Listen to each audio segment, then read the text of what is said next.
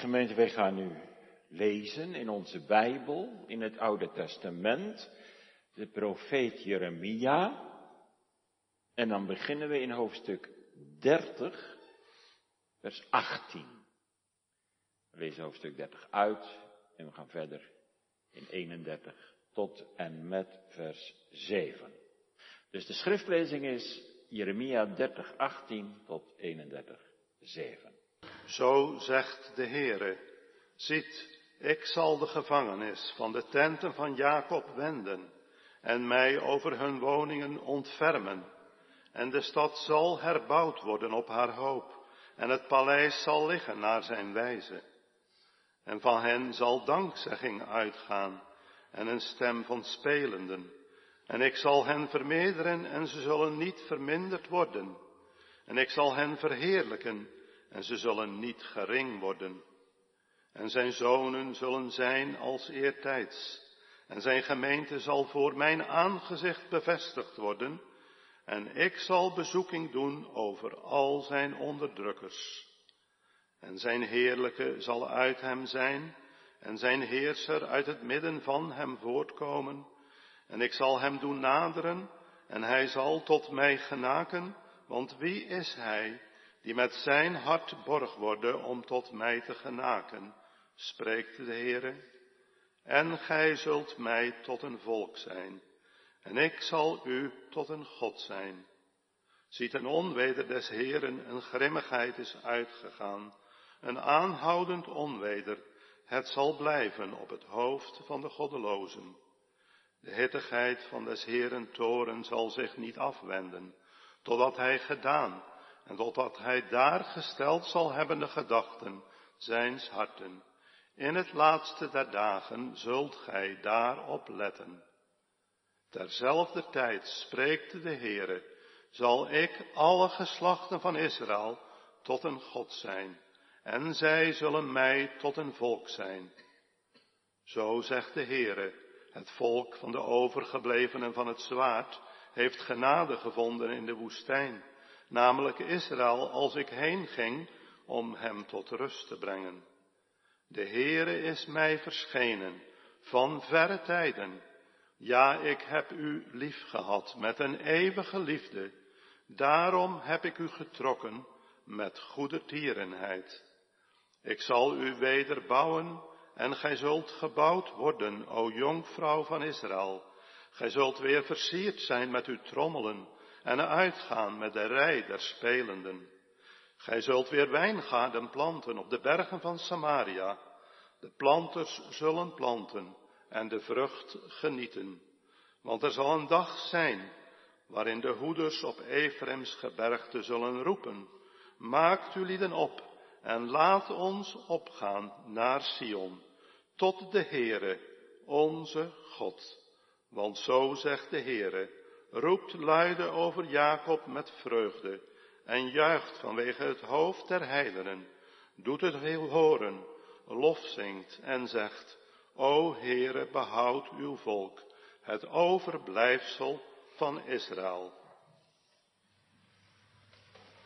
Gemeente, de tekstwoorden voor deze voorbereidingsdienst op het heilige avondmaal staat in Jeremia 31, en dan met name vers 3. Jeremia 31, vers 3. De Heere is mij verschenen van verre tijden. Ja, ik heb u lief gehad met een eeuwige liefde. Daarom heb ik u getrokken met goedertierenheid. Als thema de verbondstrouw van God aan Israël.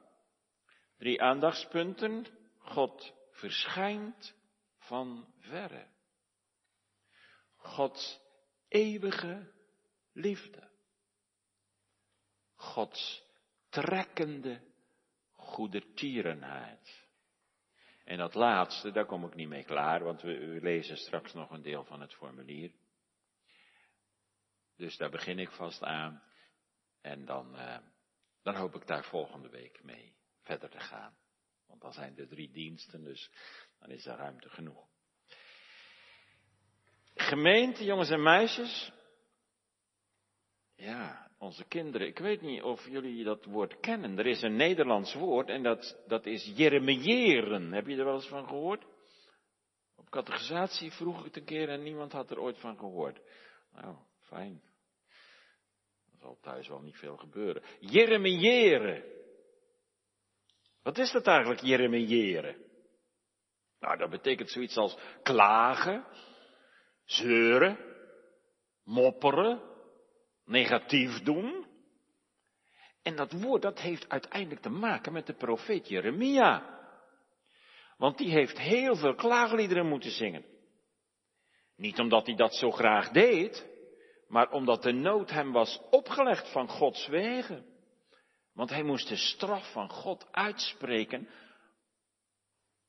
over Israël. Hij heeft veel klaagliederen moeten zingen. Hij is de man die ellende gezien heeft. En hij spreekt straf uit over de zonde van Israël. Dat deed hem zelf ook pijn. Hij heeft nauwelijks vrucht op zijn werk gezien. Dat is moeilijk. Jarenlang heeft hij Israël voor straf op het dienen van de afgoden verkondigd dat ze de ballingschap in zouden gaan. En dat is ook gebeurd. Dat heeft Jeremia allemaal aangekondigd. En velen van hen zijn in Babel gestorven. En anderen zijn daar vervreemd van de dienst van de Heer. Het leek wel of de geschiedenis van Israël zou eindigen in de nacht van ballingschap. En zou verdwijnen uit de rij van de volken. Israël is heel ver weg. Maar dan grijpt de Heere in. Want hij zal zijn volk niet verstoten. Aan de straftijd komt een einde. En dat mag Jeremia ook aanzeggen. Hij gaat spreken over een heilrijke, heerlijke, hoopvolle toekomst. En dat doet hij vooral in het zogenaamde troostboekje. Dat zijn de hoofdstukken 30 tot en met 33 uit het boek Jeremia. Daarin breekt het genadelicht door de donkere wolken van het oordeel heen. En daarin staat ook onze tekst van vanavond. De Heere zal zijn volk weer opzoeken. In dat verre oord van de ballingschap. En dat mag Jeremia verkondigen. Niet alle klaagliederen. Na alle klaagliederen gaat Jeremia spreken over de verrassende onverdiende genade van God. En dat lied, wat hij daarin zingt, gaat over de terugkeer van Israël naar hun geboorteland. Israël mag naar huis. We zullen straks zien, dat doe ik maar even kort, maar dat is niet alleen toen dat ze uit de ballingschap terugkeerden. Maar dat komt nog. Dat uit alle hoeken van de wereld God zijn volk thuis haalt. Tot hun onuitsprekelijke verbazing mogen ze zien dat God als het ware op hen staat te wachten. Dat hij hen tegemoet snelt en opvangt in de armen van zijn liefde. Lees maar in vers 2. Zo zegt de Heer, het volk der overgeblevenen van het zwaard heeft genade gevonden in de woestijn. Namelijk Israël, als ik heen ging om hen tot rust te brengen. De opgejaagden, de ontheemden, komen thuis. Ze maken zich op om te gaan naar Sion. Maar Jeremia wijst ook op het laatste der dagen. Nadat Christus heeft gezegd, bij de instelling van het heilig avondmaal, dit is het bloed van het Nieuwe Testament, testament betekent verbond, Dit is het bloed van het nieuwe verbond dat voor u en voor velen vergoten wordt. Dan treedt het nieuwe verbond in werking. En dan komen de heidenen erbij. Samen met al de geslachten van Israël. Jeremia zit, ziet in ons teksthoofdstuk de hele stoet optrekken. Het is geen indrukwekkende stoet, we hebben dat gelezen. Degenen die aan het zwaard ontkomen zijn, de vluchtelingen, mensen die het vege lijf willen redden, vuil, vermoeid, met versleten kleren nemen ze mee wat ze op het laatste moment nog hebben kunnen inpakken, net als die vluchtelingen die wij zien op de foto's in de krant of in het journaal. Die Afghaanse vluchtelingen, hele rijen. Ze hebben gauw nog wat bij elkaar gescharreld en in een koffertje of een zak gedaan. Zo moet je je dat voorstellen. Een lange rij van mannen, vrouwen, ouderen, zuigelingen, blinden, lammen waren er ook bij. Jeremia ziet ze komen. In tranen. En ze hebben smeekbeden aan. Dat staat in vers 9. Daar wil ik graag ook volgende week mee doorgaan. Daar zijn tranen van blijdschap bij geweest. Over het feit dat ze weer naar huis mochten. Maar er zullen ook wel tranen van schaamte geweest zijn en van berouw over hun zonden en over hun weerbarstigheid en dat ze de Heeren zoveel verdriet hebben aangedaan. Herkenbaar, toch? Die afkeer van de zonde. Als we zien hoe de Heer Jezus onder die drukkende last gebogen heeft in Gethsemane en bloed gezweten heeft. Wie houdt zijn ogen droog bij het zicht op Golgotha, waar de man van smarten verlaten wordt door zijn vader, bespot door de vijanden, geplaagd door de duivel.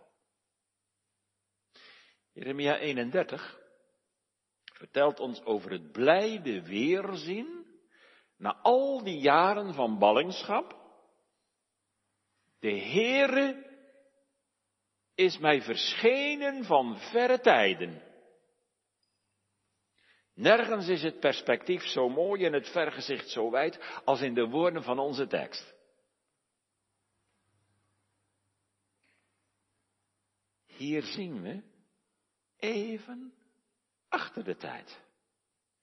Hier gaat iets zichtbaar worden van de eeuwigheid. De poorten van Gods liefde, liefdeshart gaan open. Kijk maar naar het vervolg van de tekst. De eeuwige liefde van God openbaart zich daarin.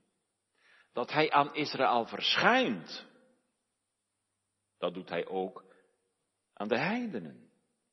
Die door het geloof in de olijfboom van het verbond van God met Israël worden ingelijfd. Dat versje zingen we altijd bij de heilige doop. Die mogen ook delen in de eeuwige liefde van God. Dus het gaat ook over ons vanavond.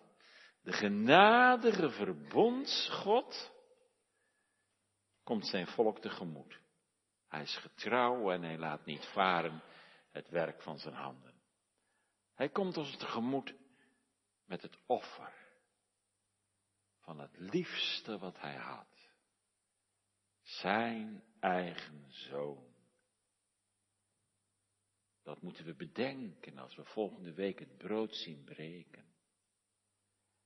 En de beker, de wijn vergieten. Wat Jezus gezegd heeft en wat het formulier aanhaalt. Ik voor u. Daar gij anders de eeuwige dood zou moeten sterven. Het klinkt als een jubel. De Heere is mij verschenen van verre, staat er letterlijk in de Masoretische tekst van het Oude Testament.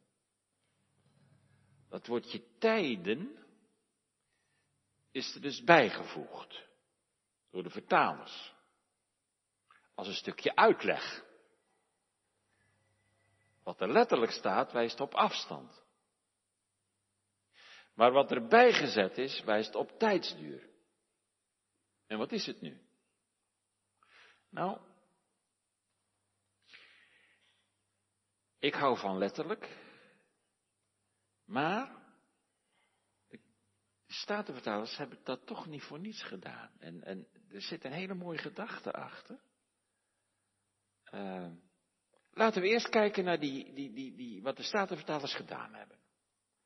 De Heere is mij verschenen van verre tijden. Dat betekent, het is al zo lang geleden dat ik God heb ontmoet.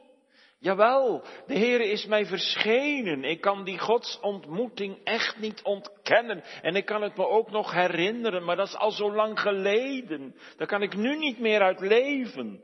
Het is zo stil geworden in mijn hart. En soms zo kil. Die tijden van vroeger waren zo goed en zo zoet.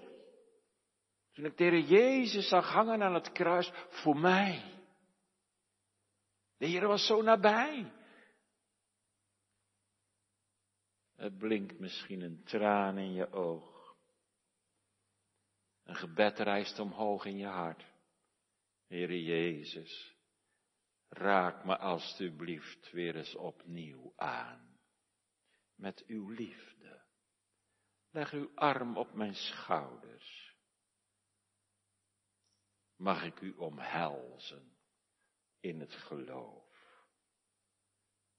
Gemeente, is dat niet geweldig dat de Heer nu juist voor zulke mensen het heilige avondmaal heeft ingesteld? Hij weet hoe dat gaat in ons leven. En daarom houdt hij het ons opnieuw voor en zegt, kijk maar. Je bent van mij. Ik stierf voor jou. En je hebt vergeving van zonden in mijn bloed. Als u verdriet hebt over de ervaring, omdat de ervaring van Gods liefde in uw hart minder voelbaar is, ja, dan komt de Heer u hier ook tegemoet. Want hij zegt, ik heb u lief gehad met een eeuwige liefde. Dat hangt niet van jouw gevoel af. Ik ben gestraft om je zonden. Mijn liefde schommelt niet heen en weer met uw gevoelens. Mijn liefde ligt vast. Die verandert niet. Die vermindert niet. Die blijft altijd even groot. Zo dikwijls als je van dit brood eet en van deze drinkbeker drinkt, zul je daardoor verzekerd worden van mijn hartelijke liefde en trouw. Jegens u. Wat een liefde hè, van de Heer Jezus. Daar breekt toch je hart onder. Daarbij wordt steeds opnieuw weer alles nieuw. Onze liefde wordt aangewakkerd. Zoals je een vuurtje wat bijna uitgaat aanblaast. En de vlammen er weer uitslaan. Wat is de Heere goed? Dat Hij telkens opnieuw het avondmaal laat bedienen. Want daar openbaart de Heere zich, daar is Hij echt aanwezig, daar is Hij sacramenteel aanwezig in de tekenen van brood en wijn.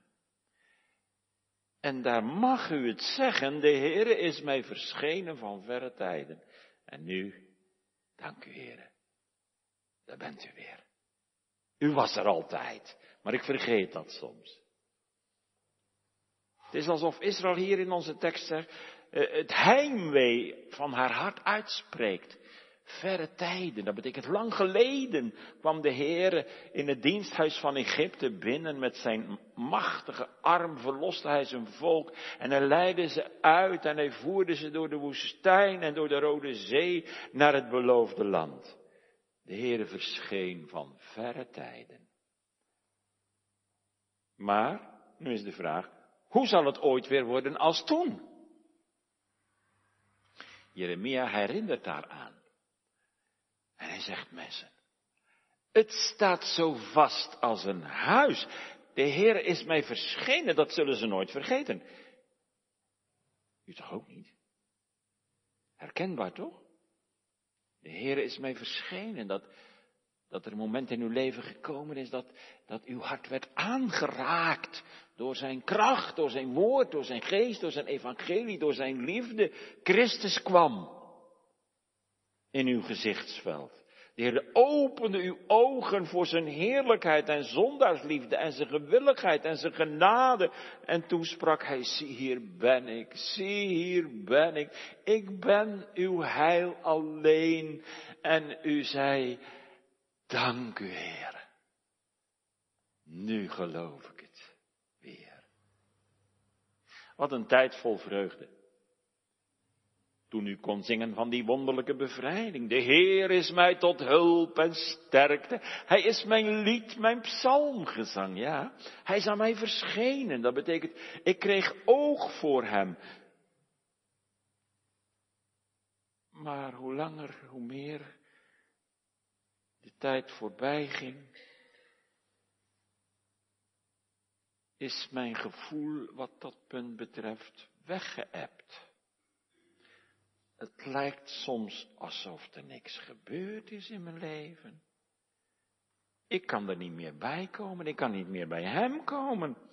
Uw zonden hebben weer scheiding gemaakt, uw gebed lijkt niet verder te gaan dan het plafond. Bedenk dan, lieve gemeente, dat de liefde er ook is, de liefde van God, van Christus, als u het niet voelt. En God hoort hoor, u, spreken, uw schreeuwen, uw roepen, uw smeken. Er is een God die hoort. Als we het woordje tijden, dat de Statenvertalers erbij gezet hebben om het een beetje uit te leggen, weglaten, en we lezen gewoon wat er staat, dan slaat het woordje verre niet de tijd, maar op de afstand. De Heer is mee verschenen van verre afstand. Van Babel naar Jeruzalem. Daar was de offerdienst. Gods woning, zijn altaren, zijn tegenwoordigheid. En Babel is zo ver weg van Sion. Maar Jeremia zegt in zijn troostboek, de Heere komt en hij haalt zich naar, jullie naar zich toe. Hij verschijnt om te spreken over zijn eeuwige liefde. Wat een afstand tussen de Heere en Israël. God is ver weg. Duizend kilometer is het ongeveer. Als je naar Oostenrijk gaat, dan is dat ongeveer, maar ja, te voet. Over berg en dal, door rivieren, woestijnen, met, leeuwen en beren en zo. Duizend kilometer, dat is ver hoor. Israël ervaart zijn gemeenschap niet meer. O, die afstand. Vanwege hun zonde, vanwege hun afgoderij die ze gepleegd hebben, voordat de Heer ze naar ballingschap stuurde, naar Babel stuurde. Wat hebben ze geweend aan de rivieren van Babel, van heimwee naar Jeruzalem. Ze hebben naar de eredienst, ze hebben hun harpen gehangen aan de wilgen. Want ze konden de Heere toch niet missen, maar vanuit de verte komt God tot de ballingen en hij heft de afstand op. Ze mogen terug naar Jeruzalem, naar Judea. Dat is de uitleg als je dat voor die tijden weglaat. Maar inhoudelijk komt het natuurlijk op hetzelfde neer. Wat een troost voor mensen die verdrietig zijn. Dat de Heere verschijnt en dat Hij dat zegt en wat Hij zegt, dat doet Hij. God ligt nooit. Hij komt ze tegemoet om de gebroken gemeenschap te herstellen. De, die afstand was straf, oordeel. Maar nu leidt de Heer ze terug naar hun land. Kijk maar, daar gaan ze. Van Babel naar Jeruzalem. Hun trots is gebroken. En hoe zullen ze het thuis allemaal aantreffen? Ze heffen hun ogen op naar de bergen. En dan, wie komt hen daar vanuit de verte tegemoet? Bedriegen ze hun ogen niet? Het is de Heere zelf. Van verre is de Heere mij verschenen. In die volgorde staat het in het Hebreeuws. de getrouwe verbondsgod, overbrugt de afstand. Daar is hij. In de verte. Maar hij komt dichterbij, hij verschijnt. Hij is zijn volk niet vergeten. Hij treedt hen tegemoet in zijn genade en niet in zijn toorn. Waarom? Omdat de Heere Jezus zo ver weg geweest is. Hij kwam van de hemel naar de aarde. Hij is verlaten van God aan het kruis. En nu laat hij in brood en wijn zijn liefde zien. En hij zegent zijn bruid en hij zegt tegen zijn bruid in de omhelzing van het geloof, ik heb u lief gehad met een eeuwige liefde. Je bent geen ogenblik uit mijn gedachten geweest. Mijn lieve bruid, ik gaf mijn leven voor je. Zie mijn handen, zie mijn zijde. Hierin ontmoet ik je en je mag me omhelzen door het geloof. Je mag me naar je toe trekken. Mijn bruid. Ja, want echte liefde kan niet tegen afstand. Kijk maar eens naar een stelletje dat verliefd is op elkaar. Ik zie dat natuurlijk ook om me heen, in mijn eigen familie. En uh, dan maken ze de afstand zo klein mogelijk. Maar Israël kan die afstand niet opheffen. En daarom neemt God zelf het initiatief om de kloof te overbruggen. U en ik zijn zo onmachtig, net als Israël. Maar God is zo almachtig. Hij verschijnt. Hij doet. Wat een liefde. Onderzoek jezelf er eens op. Als je die afstand tussen God en je ziel nog nooit beleefd hebt. Die afstand die we door onze zonden gemaakt hebben. Ja, eerlijk gezegd, dan kan er ook geen verlangen zijn om de Heer te ontmoeten aan zijn tafel.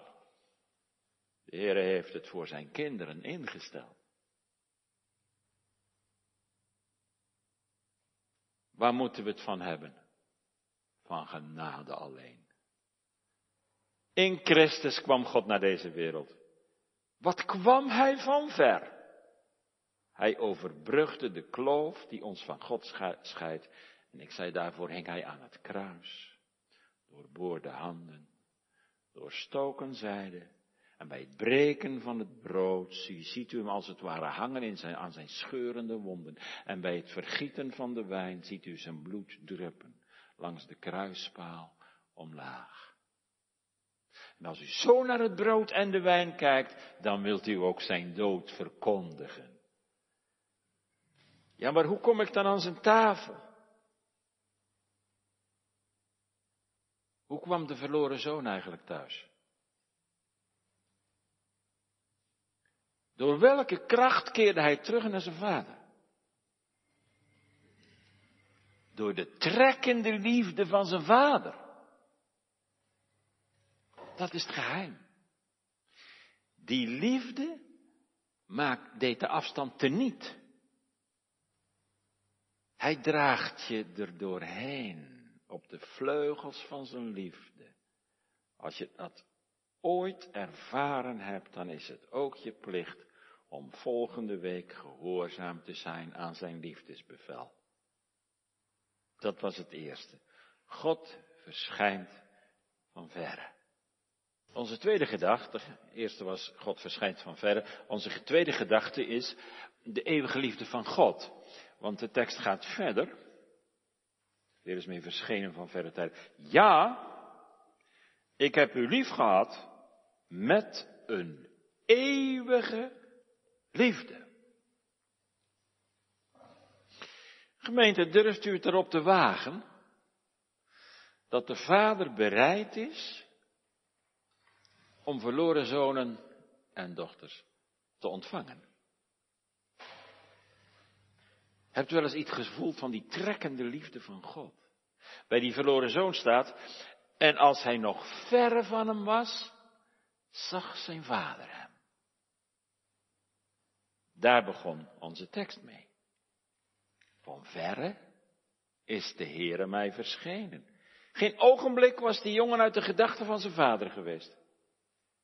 En dat is de inhoud van de woorden, ja, ik heb u lief gehad met een eeuwige liefde. En liefde trekt. Daarom keren zondaren terug tot God. Hij stort zijn liefde uit in je hart en hij roept, kom toch terug mijn jongen. Ik wil je niet langer missen. Je hebt mijn liefde niet kunnen blussen. Want die liefde van mij die is eeuwig. Het woordje eeuwig is heel bijzonder. Ik denk dat wij niet ten volle kunnen begrijpen wat dat betekent. Je kunt er natuurlijk wel iets over zeggen. Het is niet alleen maar zonder begin of zonder eind. Dan zeggen we, ja, dat is eeuwig, zonder begin, zonder eind. Ja, maar wat heb je daarmee gezegd? Gods eeuwige liefde is als een eeuwig heden. Zonder verleden en zonder toekomst. Want eeuwigheid is bij God niet in de eerste plaats kwantitatief, maar vooral kwalitatief. Verschillend van tijd. Wij zijn in de tijd. God is eeuwig. Voor God, bestaat helemaal geen tijd. Voor ons wel. Er zal geen tijd meer zijn, zegt de openbaring. Straks. Er is dus een directe verbinding vanuit Gods eeuwige heden met de gebeurtenissen van het moment waarin wij verkeren. Er staat wel, ik heb u lief gehad met een eeuwige liefde. Maar dat slaat niet op het verleden. Ik zal u zeggen wat andere vertalingen hebben. Dan wordt het een beetje duidelijk. Mijn liefde voor u duurt eeuwig. Of, steeds heb ik je lief gehad. Ook toen ik je strafte in de ballingschap.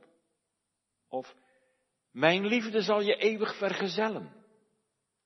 Het is dus niet een opwelling of een vlaag van emotie, maar dat God er, ja, eeuwig over nagedacht heeft. Zo ligt het heil van eeuwigheid vast. Als van Gods liefde het begin zoek is, dan is ook het einde ervan zoek. Gods liefde moet wel eeuwig zijn. Die wordt door de dood niet niet gedaan. Ik heb u lief gehad met een eeuwige liefde. Ziet u de Heer Jezus in gedachten staan? Ziet u zijn nodigende armen die hij ook vanavond naar ons uitstrekt? Vermoeide en belaste mensen. Lammen en blinden uit die stoet, weet u wel, vluchtelingen. Jezus keert zich tot het verachten. Verloren zonen. Zondaars, hoeren, tollenaars. En toelopende viel hem zijn vader om de hals en kuste hem. Vaders liefde trok hem. Zo brengt de Heer zijn kinderen ook aan zijn tafel, door zijn trekkende liefde. Dan mogen we met de mond genieten wat we in het hart geloven. Namelijk dat hij voor onze zonden aan het kruis hing en gestorven is, maar ook opgewekt. Dan valt de afstand weg. Dan is de Heer zo nabij. De bruid verlangt daarnaar. Trek mij en wij zullen u nalopen. We zien Christus in zijn heerlijkheid, zijn met dorens gekroonde hoofd, zijn bloedende handen, zijn biddende lippen. Oh, dat had ik allemaal verdiend, dat kruis. Ja, zegt hij, maar ik heb u lief gehad met een eeuwige liefde.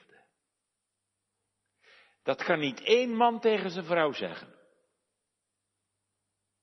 Heb je nog zo'n goed huwelijk? Er was immers een tijd dat je elkaar niet kende.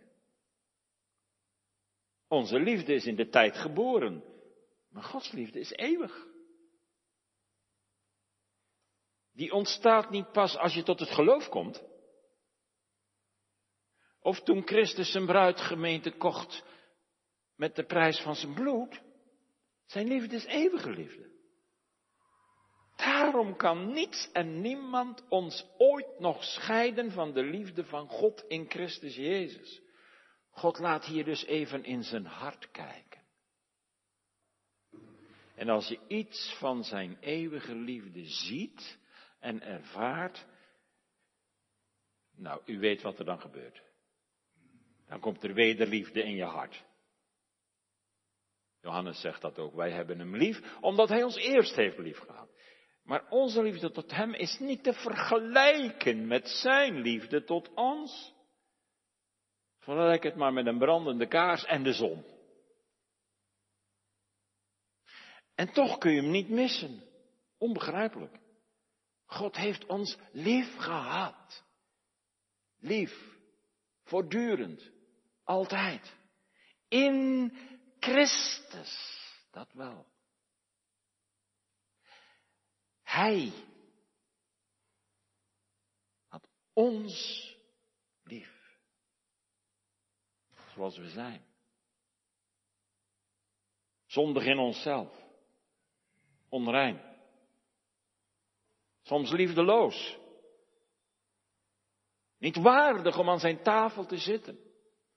God haat de zonde. Maar heeft de zondaar lief. Mijn liefde, zegt God, is niet zoals uw liefde. Uw liefde tot mij is soms heel wisselvallig. Vandaag kan je hart branden van liefde tot God en zijn dienst en morgen kan je weer een beetje koud zijn of lauw.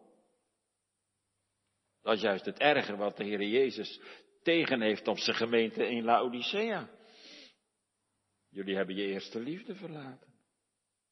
Maar bij mij is dat niet zo, zegt God. Ik ben de getrouwe, altijd dezelfde, ook in mijn liefde. Mijn liefde is niet afhankelijk van jouw liefde. Gods liefde heeft alles te maken met het werk van de Heer Jezus.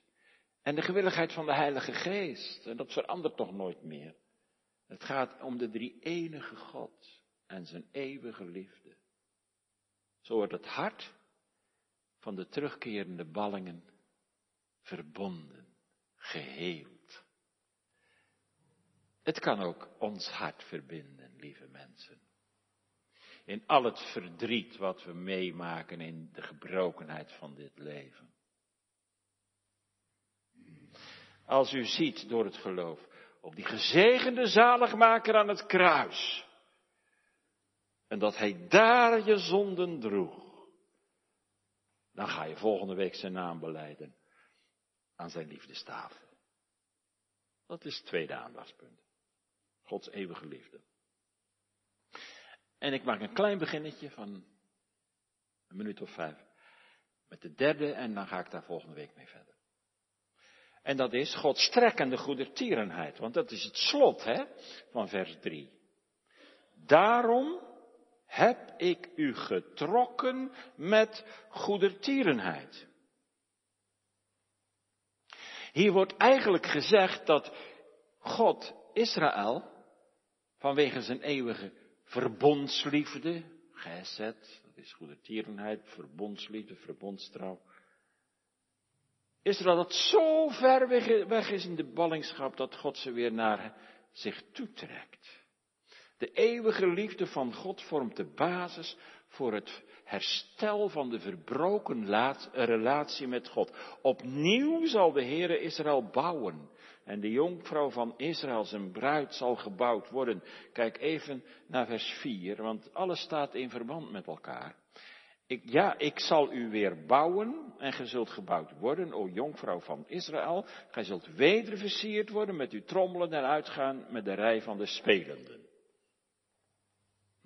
Kunt u zich wel een beetje voorstellen. De Heere wijst in de wederopbouw. Hij wijst eerst op de wederopbouw van het gebied. En dan in het tweede van dat vers op de herbevolking van het gebied.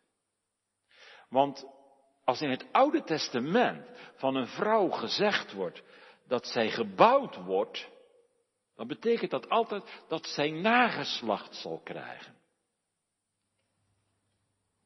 Bij die genoemde verbondszegen van God hoort ook de vruchtbaarheid.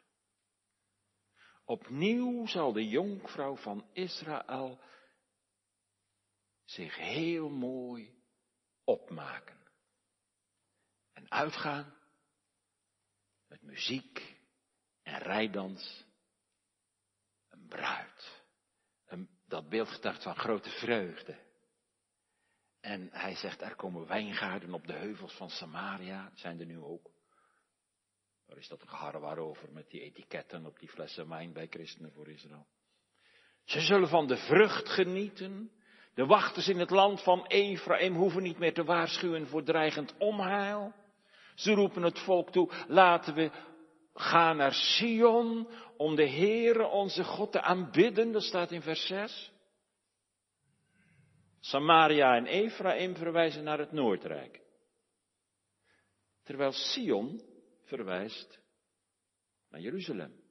De plaats die de Heer heeft uitgekozen voor zichzelf in het Zuidrijk. Jeruzalem en Judea. Het voorzegde heil is dus voor heel Israël, de twaalf stammen. En dat loopt uit op de bruiloft van het lam. Heel Israël, lees Ezekiel 47, daar staat precies hetzelfde, dat die twee weer één worden. En deze profetie is na de in de periode na de ballingschap niet vervuld. Ook in de tijd van het Nieuwe Testament was Samaria gescheiden van Judea. Die vervulling moet dus echt nog komen. Want het gaat hier, staat er in hoofdstuk 30, vers 24, over het laatste der dagen. De vervulling van deze profetie heeft trouwens nog een derde, diepere laag. En dat is de eschatologische vervulling. In de, schepping van de nieuwe hemel en de nieuwe aarde. En zo is het heilig avondmaal een voorlopige instelling die uitlopen zal op de bruiloft van het lam. Om daar aan te zitten, moet je getrokken worden door Gods verbondstrouw, zijn goede tierenheid. Nou, dat merk je dan toch? Dat is toch iets, dat gaat niet buiten je om. Als je getrokken wordt. En de Heere, als Hij onmisbaar voor je wordt. Vroeger dan dacht je, nou ja, het zal wel waar zijn. En je ging naar de kerk of als je reden had, dan ging je niet naar de kerk. En nu, je Bijbel wordt zo dierbaar. Het woord van God. Toen ik uw woord gevonden heb, heb ik het opgegeten en het was zoeter dan honing. Alles wordt anders. De trekking, de liefdestrekking van de Heere. En dat loopt uit op de bruiloft van het lam om daar aan te zitten. Het bewijs dat God u lief heeft, is dat u tot God getrokken wordt. Dat Hij voor u heel veel gaat betekenen. Dat uw aandacht op Hem gericht wordt. Niemand komt zelf op die gedachte. Hij trekt er naartoe. En dan krijg je er oog voor. Eerst durf je misschien niet, niet je bent niet goed genoeg. Nou, steek eens op. Wie is er wel goed genoeg voor het avondmaal? Niemand. Maar God heeft onvoorwaardelijk lief. En het kruis van de Heer Jezus heeft zoveel trekkracht dat je er als het ware heen gedragen wordt. Hoewel het natuurlijk wel je eigen beslissing is. Hij trekt je erheen met zijn goede tierenheid. Telkens weer. Maar als je wat grijpt bent in het geloof. Oh, dan zie je nu al uit naar volgende week. Dan is het in de week van voorbereiding geen vraag. Wel eens niet is, wel eens niet is. Maar dan, dan zeg je, dank u Heer, ik heb er zo'n zin in. Avondmaal. Vreugde om te gaan voor de meer geoefenden in het geloof. De zwakken vluchten naar de fontein van vertroosting in het bloed van de Heer Jezus. Maar ze komen er wel hoor, aan zijn tafel. En zo komt heel die karavaan uit vers 8 thuis. De zwakken en de blinden komen met geween en in de erkenning van hun zonden. En de gerijpten in het geloof komen met lofprijzing en aanbidding en vreugde en uitzien. En al Gods kinderen komen eenmaal thuis. Omdat God ze trekt in zijn verbondstrouw. Want zo dikwijls als je van dat brood eet en van de wijn drinkt, verkondigt de dood des Heren, totdat hij komt. En hij komt. Nu in de prediking. Volgende week in het heilige avondmaal. En straks op de wolken. En dan? Dan zullen we eeuwig met de Here wezen. Amen.